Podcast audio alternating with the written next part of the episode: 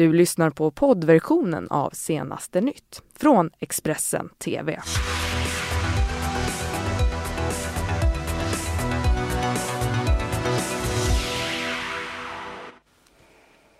Mm, men god, god morgon, god morgon ska jag säga säger vi till er som just nu tittar här på oss i Senaste nytt. Och vi säger också ett litet grattis till Norge som idag firar den 17 maj.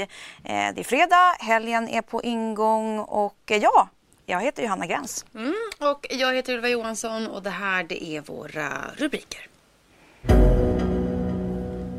Skottlossning i Vårby i södra Stockholm. En person till sjukhus.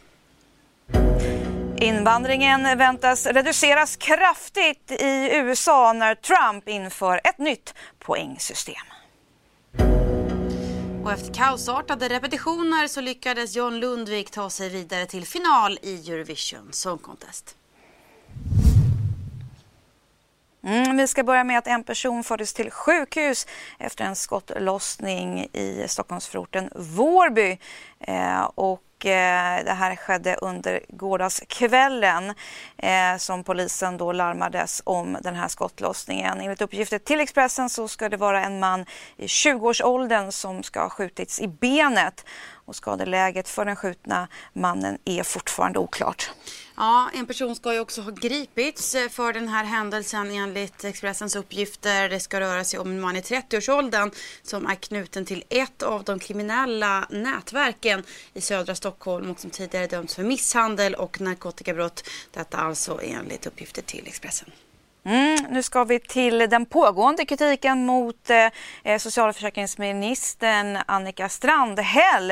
Eh, för man kan ju säga att eh, den här kritiken nådde sin kulmen igår. Partiledaren för Moderaterna Ulf Kristersson anser att varken hon eller statsminister Stefan Löfven har kunnat förklara varför Ann Begler sparkades från Försäkringskassan och väljer nu att använda sig av en misstroendeförklaring.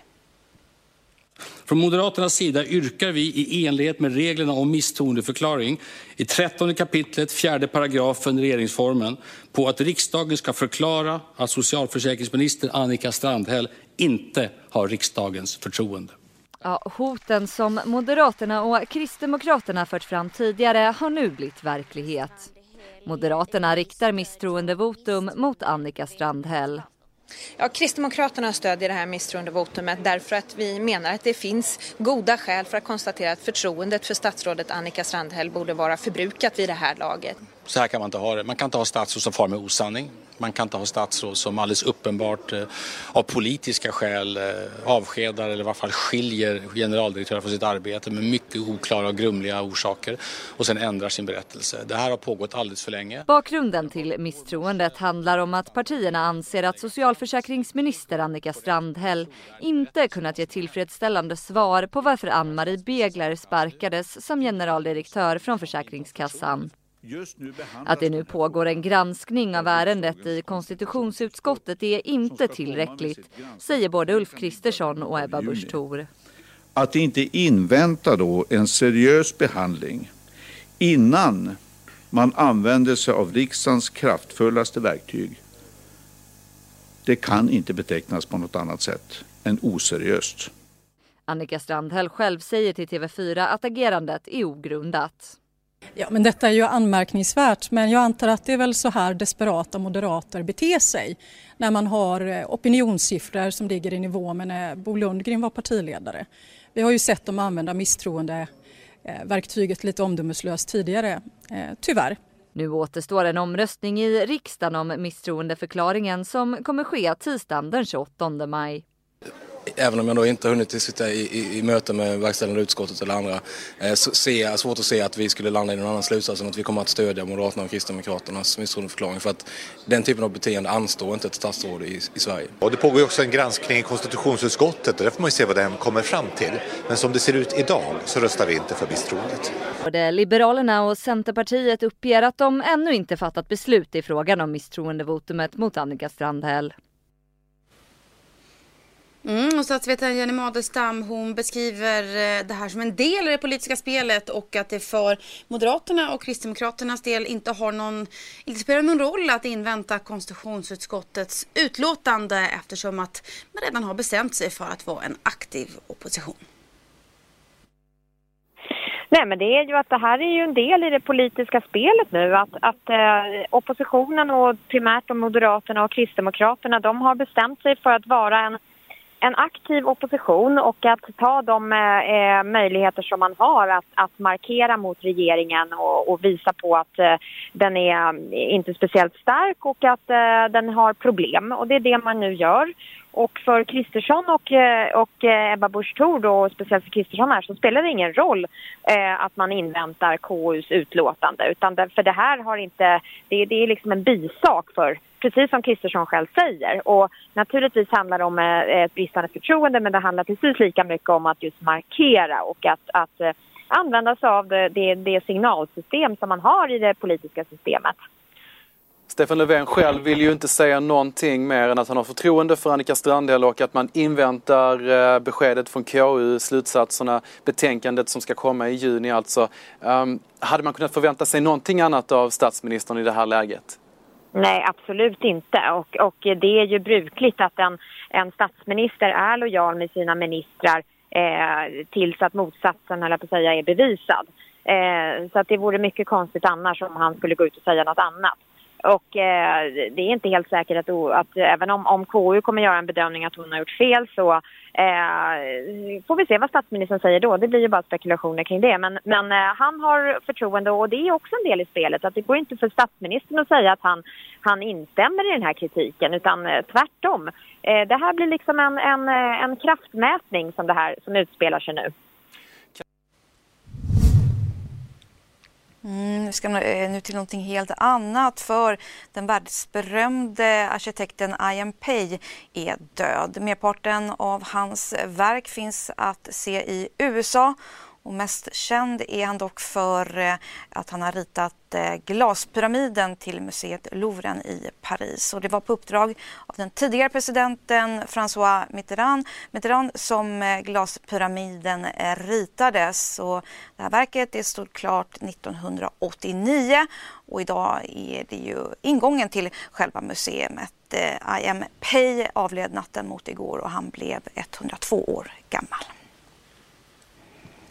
Så till USA, för Donald Trump lanserade igår sin nya plan för USAs invandringssystem. Presidenten vill att invandrare i större utsträckning ska vara högutbildade och att anhöriginvandringen ska minskas kraftigt. Vår USA-korrespondent Thomas Kvarnkullen rapporterar från Vita huset i Washington. Donald Trump presenterade här i Vita huset igår kväll sin plan för USAs nya invandringssystem. Det totala antalet invandrare ska inte förändras men däremot vilka som ska få så kallade green cards. Presidenten vill att eh, färre ska få stanna i USA på grund av att de har familj eller anhöriga här och även de som vill stanna i landet på grund av humanitära skäl ska bli färre. Istället vill Donald Trump att invandrare ska bedömas utifrån vad de kan bidra med. Han vill ha ett poängsystem där högutbildade ska prioriteras framför de som vill stanna i USA av eh, andra skäl. Det här är just nu presidentens egen plan. Republikanerna har tagit del av den men det är ännu inte partiets officiella linje. Inom Demokraterna möter planen kritik och här i USA menar många att det är lång väg kvar innan Trumps plan kan bli verklighet och att den kommer att möta hårt motstånd i kongressen. Mm, vi ska ta och stanna kvar i USA för reaktionerna de har ju varit många sedan delstaten Alabama röstade igenom ett totalt abortförbud både, eh, som också då ska gälla eh, eh, vid våldtäkt och incest. Och Sam eh, Blakely från Alabama är en av dem som nu kliver fram och är starkt kritiskt, kritisk mot den här nya abortlagen. Hon själv blev gravid efter en våldtäkt och menar att om hon inte hade fått göra en abort hade hon inte levt idag. I think it's cruel that they are willing to endanger the lives of literally millions of women for a some sort of political um, pat on the back or, or something, some sort of political advancement in their agendas or something. It, I, I'm not sure if they understand the gravity of what's going to happen, but at this point, I have no words. I have absolutely no words to describe the disgust that I feel, and so many women have told me that they feel. They're scared, they're angry. We, we don't know what's going to happen. We are, we are seriously in fear for our lives as women in Alabama. Mm, det här är ju verkligen en kontroversiell eh, ny lag alltså som eh, eh har eh, kommit till i Alabama. Ja, och med det ska vi faktiskt helt och hållet byta ämne här i senaste nytt. Det ska handla om gårdagens semifinal i Eurovision Song Contest. För det var ju en glad John Lundvik som mötte pressen efteråt. Han gick ju nämligen eh, vidare till finalen på lördag. Eh, och under pressträffen så avslöjade han också vilken del av finalen eh, som han kommer att få uppträda i. And now it's time to draw your position in the finals. Reach into the bowl. Let's see whether first half or second half for Sweden. Wow, this, this is kind of nerve wracking.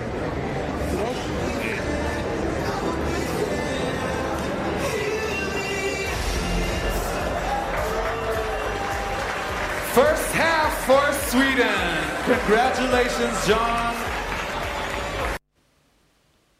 Ska nu ner till vårt team som är på plats i Tel Aviv i Israel eh, som kan berätta mer om gårdagens semifinal och det är ju såklart vår eh, nyhetsreporter Elinor Svensson och eh, vår musikkrönikör Anders Nunstedt. Final imorgon, semifinal två igår. Vad har du att säga om allt som har hänt här i Tel Aviv hittills? Ja, vi är ju där vi trodde att vi skulle vara på ett ungefär. John Lundvik är i final och det känns givetvis jätteskönt men eh, allt annat hade varit eh, tidernas eh, bananas.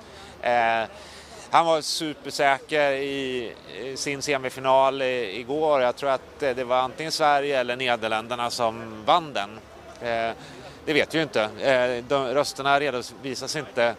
Och imorgon är det liksom nya tag, verkligen. Eh, och det känns som att eh, eh, Sverige har chansen. Är inte den största favoriten till att ta hem segern, det är fortfarande Nederländerna.